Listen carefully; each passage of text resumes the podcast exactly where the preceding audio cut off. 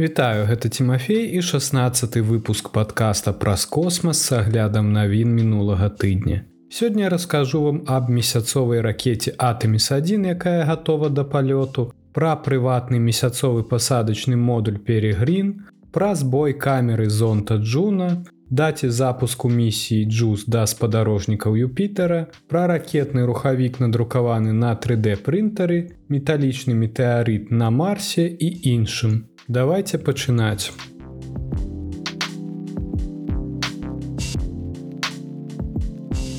NASA заяўляе, што месяцовая ракета Атэміс1 гатова да палёту з астранаўтамі. Выканаўшы сваю першую місію мегаракета NASA Space Launch System або SLС, падобна гатова зрабіць наступны вялікі крок запусціць астранаўтаў. Дэбютны палёт SLС 16 лістапада паклаў пачатак 25дзённай місіі NASA Атэміс1, якая адправіла капсулу Эрайн без экіпажа на месяцовую арбіту і назад. Гэта таксама зрабіла SLС самай магутнай ракетай калі-небудзь паспяхова запущенай тытул які яна адваявала ў легендарнай ракеты наса сатурн 5 першапачатковая справаздача прадуктыўнасці слс атэміс1 якую наса апублікавала 30 лістапада дала ракете высокія ацэнкі выявіўшы што яна працуе так як чакалася ва ўсіх абласцях. У чальцоў каманды місіі зараз было больш часу каб апрацаваць лічбы. І водгукі працягваюць быць добрымі. Перад першым запускам SLС з экіпажам не спатрэбіцца ніякіх вялікіх змен. Прадстаўнікі NASAа напісалі ў абнаўленні ад 27 студзеня, што грунтуючыся на ацэнцы праведзенай неўзабаве пасля запуску, папярэднія дадзеныя пасля палёта паказваюць, што ўсе сістэмы SLС працавалі добра і што канструкцыі гатовы падтрымліваць палёт з экіпажам на атэміс 2. Група пасляпалётнага аналізу працягне аналіз дадзеных і падрыхтоўку канчатковых справаздач. Атэміс2 адправіць астранаўтаў NASAа прыкладна ў 10дзённую місію вакол месяца ў 2024 годзе, калі ўсё пойдзе па плане. Навукоўцы каманды SLС прааналізавалі мноства дадзеных, каб прыйсці да сваіх апошніх высноў. Але гэтыя высновы не будуць з'яўляцца канчатковым словам аб характарыстыках і перспектывах ракеты. Напрыклад, камеры на зямлі на ракете і ў паветры сабралі каля 31 тэрабайта здымкаў даных аб старце. Заявілі афіцыйныя асобы NASAа, што больш як у паўтары разы перавышае інфармацыю, прадстаўленую ў друкаваных матэрыялах у бібліятэцы кангрэса ЗША. Шматлікія здымкі ракеты Атэміс1 у тым ліку аддзялення цвёрдапаліўнага паскаральніка і прамежкавай крыягеннай рухальнай прыступкі сабралі дадзеныя здымкаў, якія дапамаглі ацаніць, як SLС працаваў ад старту да пад'ёма і падзелу. Верхняя прыступка SLС абсталявана адным рухавіком RL10. Асноўная прыступка гіганцкай ракеты абсталявана чатырма рухавікамі RS25 пакінутымі ад эпохі касмічных чоўнаў. Два цвёрдапаліўных ракетных паскаральніка былі прымацаваны да асноўнай прыступкі Атэміс1, дапамагаючы SLС генераваць каласальную цягу пры старце. Усё гэта абсталяванне працавала вельмі добра 16 лістапада, паведамілі прадстаўнікі NASAа ў апошнім абнаўленні. Напрыклад, узроўні цягі RS25 апынуліся ў межах 0,5соткаў ад чаканых значэнняў як і суадносіны паліва і акісляльніка ў рухавіках. Атэміс1 стане толькі пачаткам для SLС і Эрайна, калі ўсё пойдзе па плане. Наса разлічвае на апаратнае забеспячэнне, якое дапаможа усталяваць сталую прысутнасць чалавека на месяцы і вакол яго да канца 2020х гадоў, што з'яўляецца ключавой мэтай праграмы агенства Атэміс. Атэміс будзе спадзявацца і на іншыя элементы. Напрыклад, гіганцкі касмічны карабель SpaceX Starship стане першым пілатуемым месяцовым пасадачным модулям у рамках праграмы. А архітэктура Атэміс таксама уключае ў сябе невялікую касмічную станцыю на арбіце месяца пад назвай Гейтвей. Калі з Атэміс2 ўсё пойдзе добра, Атэміс3 адправіць астранаўтаў да паўднёвага полюсу месяца прыкладна ў 2025 годзе. А вось імёны астранаўтаў місіі Атэміс2 пакуль невядомы. Місія ўключае палёт чатырох астранаўтаў. Працэс адбору астранаўтаў з'яўляецца настолькі сакрэтным, што нават выбраныя астранаўты часта не ведаюць, як яны былі расстаўлены па прыярытэтах для канкрэтных місій нават праз дзесяцігоддзі. Экіпажы таксама аб'яўляюцца па строгім графіку і уцечкі інфармацыі здараюцца рэдка. Нядаўна CNN паразмаўляла з амаль тузінам цяперашніх і былых службовых асоб і астранаўтаў NASAа, некаторыя з якіх засталіся ананімнымі. На аснове гэтых інтэрв'ю агенцтва навін падзялілася некалькімі прагнозамі адносна таго, хто будзе абраны. Рэйт Уізман з NASAа і Джерремі Хансен з Канады з'яўляюцца найбольш распаўсюджанымі прадказаннямі сярод апытаных. NASAа не пацвердзіла ніводнага з прагнозаў CNN, а таксама агенцтва не дало афіцыйнага каментара ў дачыненні да справаздачы CNN.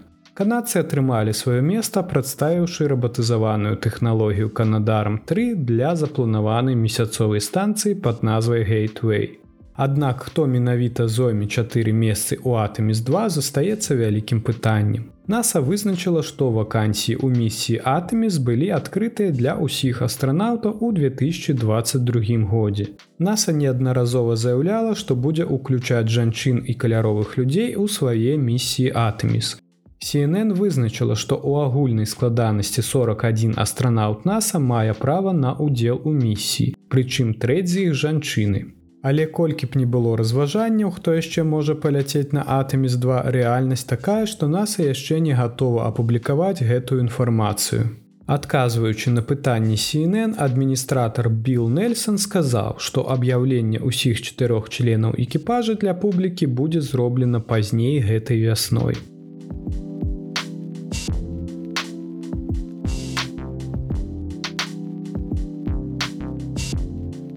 Прыватны пасадачны модуль перегрын завяршыў выпрабаванні перад запускам на месяц. Месяцовы пасадачны модуль, пабудаваны астработик завяршыў апошняе кваліфікацыйнае выпрабаванне ў гэтым месяцы, паведаміла пітсбургская кампанія ў серду 25 студзеня. Цяпер інжынеры чакаюць адабрэння United Launch Альянс на адпраўку перегрын з Пітсбурга ў Флорыду для спалучэння з ракетай вулкан Сентуал. Гэтыя тэсты ў канчатковым выніку пацвердзілі якасць дызайну і майстэрства Перегрин.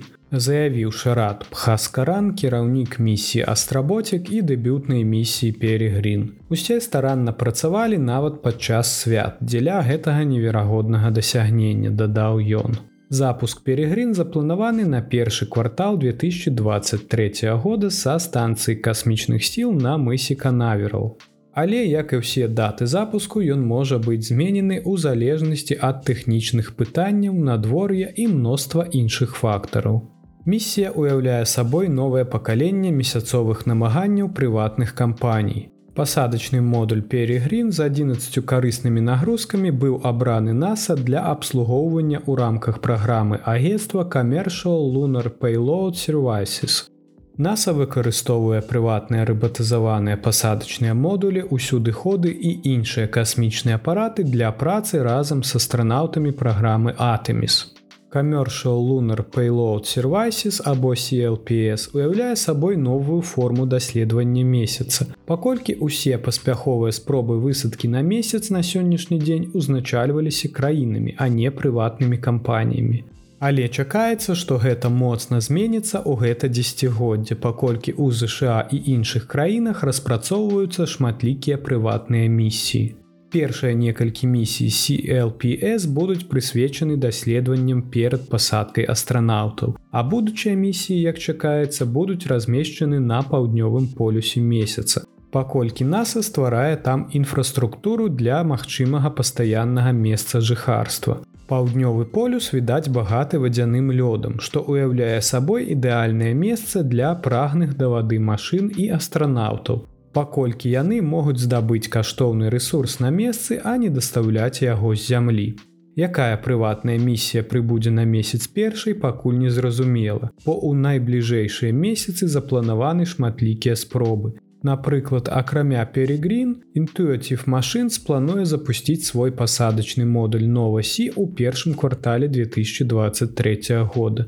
Такім чынам, у іншых краін, акрамя ЗША ўжо ёсць гатуючыся адбыцца місіі на месяц. Пасадачны модуль Хакута R, пабудаваны тайскай кампаніяй iSpace павінен прызямліцца на месяц у красавіку. Пасля прызямлення Хакута R запусціць расшыт невялікі ўсюды ход, прадстаўлены касмічным агенствам аб'яднаных арабскіх эміратаў.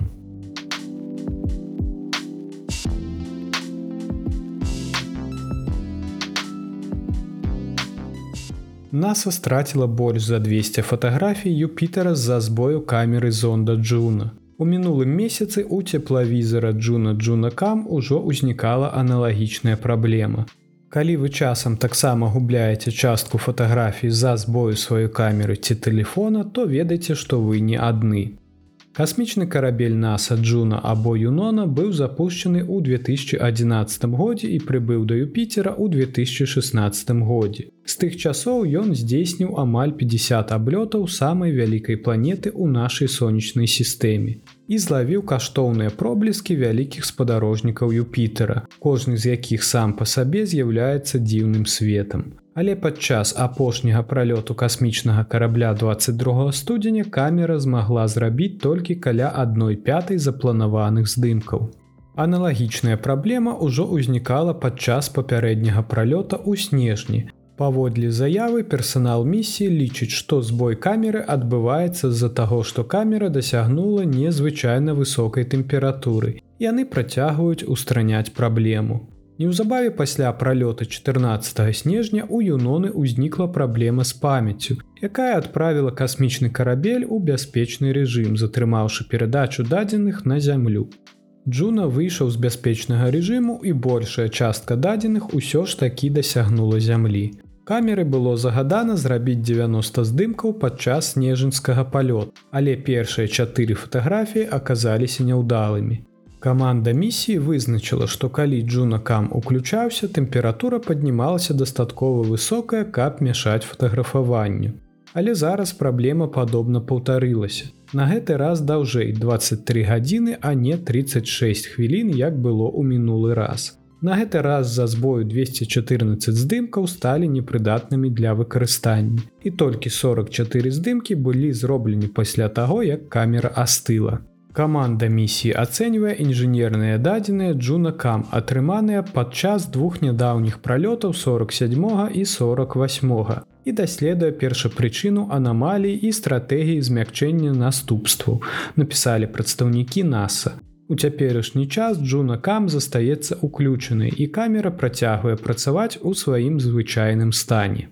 Наступны пралёт Юноны адбудзецца першага сакавіка. Персанал місіі разглядаў магчымасць запуску Джуна без камеры на борце, паколькі навуковыя мэты касмічнага карабля не патрабавалі такой прылады. Але агенцтва вырашыла дадаць Джунакам у якасці інфармацыйна-асветніцкага праекту. Каляровая камера робіць здымкі вяршыняў дынамічных аблокаў Юпітера. Па дадзеных NASAа Джунакам не гарантавалася, што яна праслужыць нават так доўга. Джунакам быў распрацаваны, каб вытрымаць усяго сем праходаў праз небяспечнае асяроддзе Юпітера. Сам Джуна таксама працуе ўжо на дадатковых місіях. Асноўныя місіі завяршыліся ў ліпені 2021 года. У цяперашні час чакаецца, што дадатковыя місіі працягнуцца да верасня 2025 года.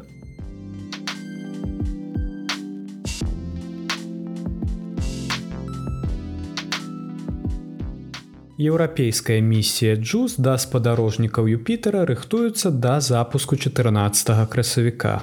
Еўрапейская місія па даследаванні трох ледзяных спадарожнікаў Юпітера гатова пачаць сваё падарожжа да знешняй часткі сонечнай сістэмы. Касмічны карабель Юпітер Айсімунс Эксплор, таксама вядомы як Джус, будзе вывучаць спадарожнікі Юпітера Еўропу, ганімет і калісту. Каб атрымаць уяўленне аб іх прыродзе, эвалюцыі магчымых падземных акіянах і патэнцыяле для жыцця.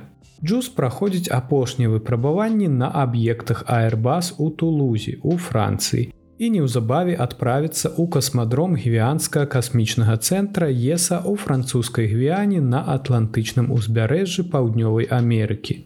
Адтуль касмічны карабель масай 6200 кілаграмаў будзе запущены на адной з двух апошніх ракет РН5.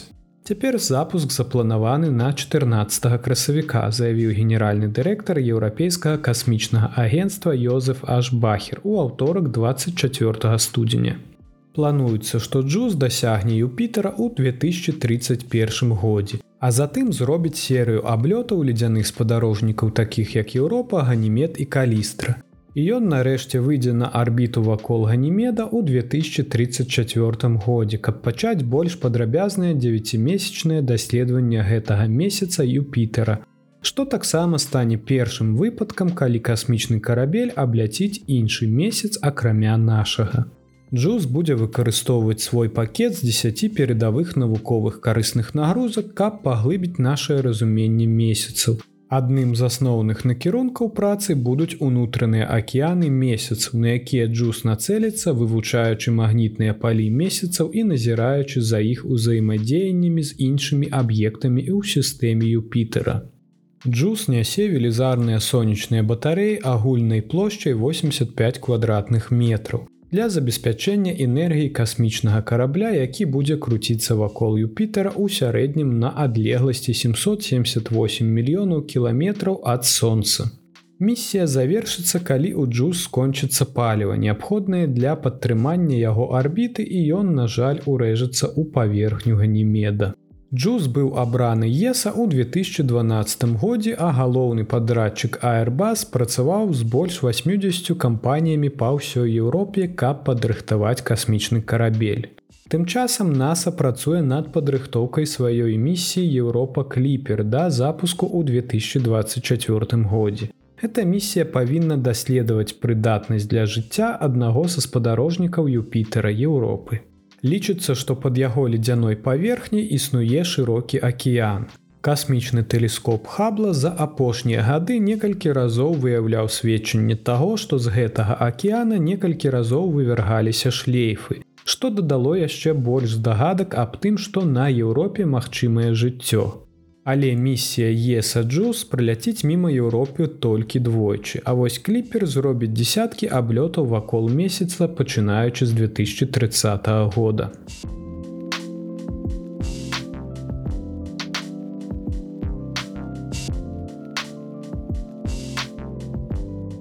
NASA тэстуе патэнцыйна рэвалюцыйны ракетны рухавік надрукаваны на 3D прынтары. Гэты футурыстычны рухавік можа сэканоміць шмат паліва ў міжпланетных падарожжах, што магчыма дазволіць NASA больш эфектыўна даследаваць сонечную сістэму. У мінулым годзе NASA завяршыла сваю серыю выпрабаванняў дэтанацыйнага ракетнага рухавіка, які круціцца. Ён стварае цягу з дапамогай эканамічнага звыжгукавога згарання. Паведамілі прадстаўнікі агенства ў абнаўленні ў сераду 25 студзеня. Гэтыя выпрабаванні былі на вельмі ранняй стадыі. Але прадстаўнікі агенства кажуць, што будучыя версіі тэхналогіі могуць быць выкарыстаны ў місіях на месяц ці марс для рэпатызаваных зонтаў або спускаемых апаратаў з экіпажам. Па словах прыхільнікаў даследавання пашырэння прысутнасці чалавецтва ў сонечнай сістэме запатрабуе фундаментальнага пераасэнсавання таго, як мы падыходзім да далёкіх вандраванняў, выкарыстоўваючы як паліва, так і час. Каб дабрацца да марса з сучаснымі рухавікамі патрабуецца ад 6 да 9 месяцаў. Скарачэнне часу з'яўляецца прыярытэтам для наса, якое хоча зрабіць падарожжа больш эфектыўным і бяспечным для астранаўтаў.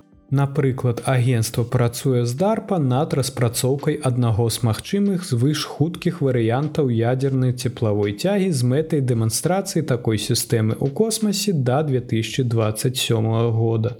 У нядаўніх выпрабаваннях рухавік запускаўся на стэндзе ў цэнтры касмічных палётаў маршала NASAа ў алабамі больш за 12 разоў, што ў суме складае амаль 10 хвілін агульнай працягласці запуску. Выпрабаванні паказалі, што рухавік надрукаваны на 3D прынтары можа бесперапынна працаваць не менш за хвіліну, вытрымліваючы пры гэтым экстрэмальную тэмпературу і ціск, якія ствараюцца выбухамі, напісалі прадстаўнікі NASAа. Бягучы графік NASAа па даследаванню сонечнай сістэмы патрабуе, каб астранаўты пачалі палёты на паверхню месяца ўжо ў 2025 годзе а даследаванне марса чалавекам рушыць услед у канцы 30-х або пачатку сороквых гадоў. Аднак такія тэрміны неаднаразова пераносіліся на працягу дзесяцігоддзяў праз бюджэтныя і палітычныя праблемы.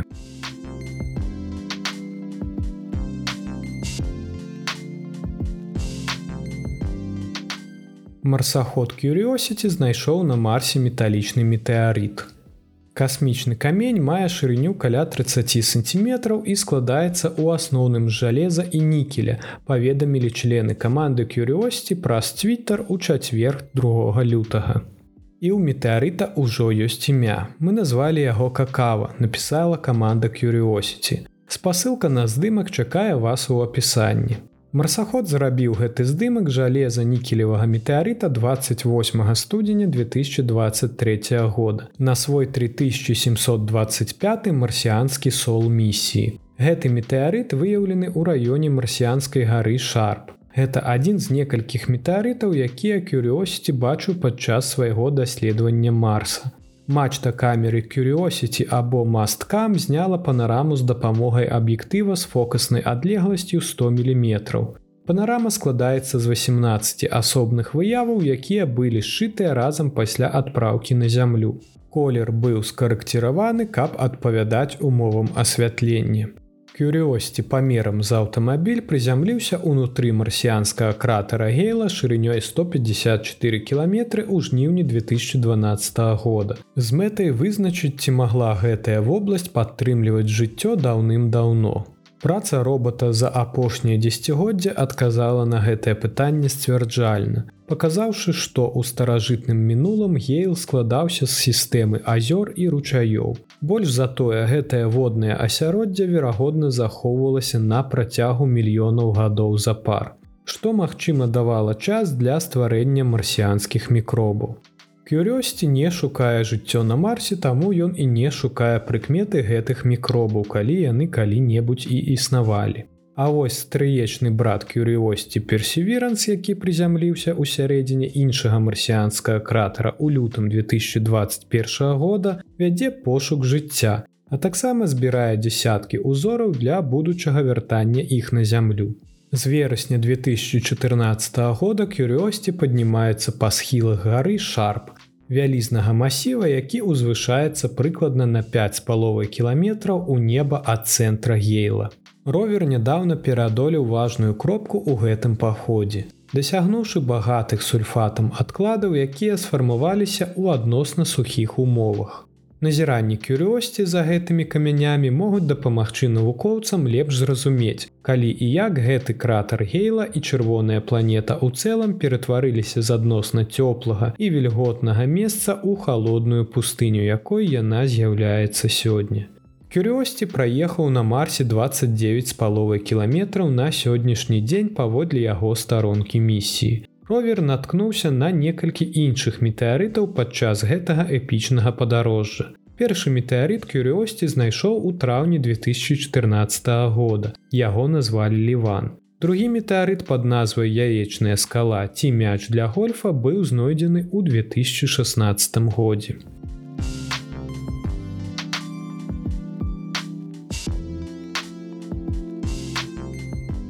І гэта ўсе навіны, пра якія я хацеў распавесці вам у выпуску. Цяпер пагаворым аб падзеях наступнага тыдня.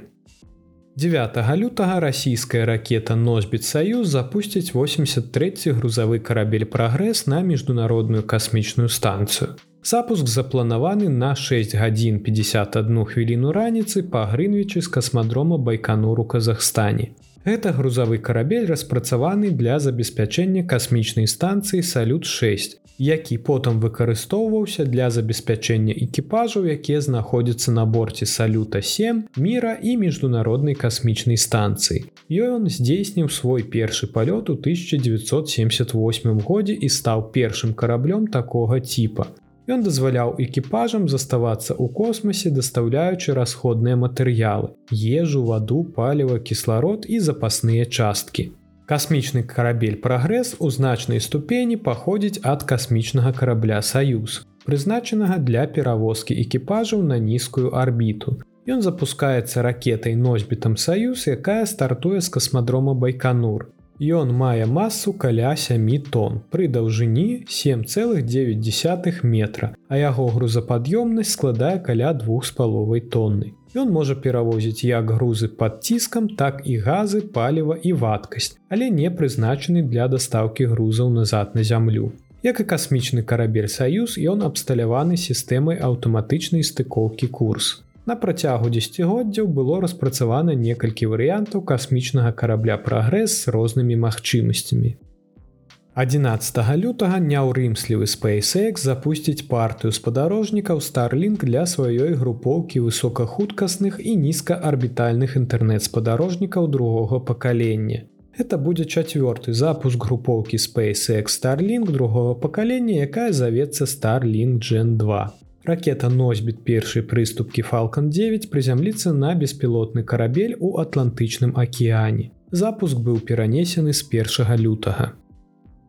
19 лютага ноччу у гадзіну 57 па Грынвічы расійская ракета Саюз запусціць беспілотны касмічны карабель Саюз МС-23 на міжнародную касмічную станцыю. Першапачаткова меркавалася, што ў місіі будуць удзельнічаць расійскі камандзір Олег Кананенко, расійскі борт-інжынер Михаил Чуб і астранаўт NASAа Лоран О'Хара, але экіпаж знялі з місіі, каб выкарыстоўваць касмічны карабель Саюз МС-23 у якасці замены пашкоджанага караблю Саюз МС-22, які быў пашкоджаны ў снежні меркавана мікраметэарытам і не можа служыць бяспечным спосабам для вяртання астранаўтаў на зямлю.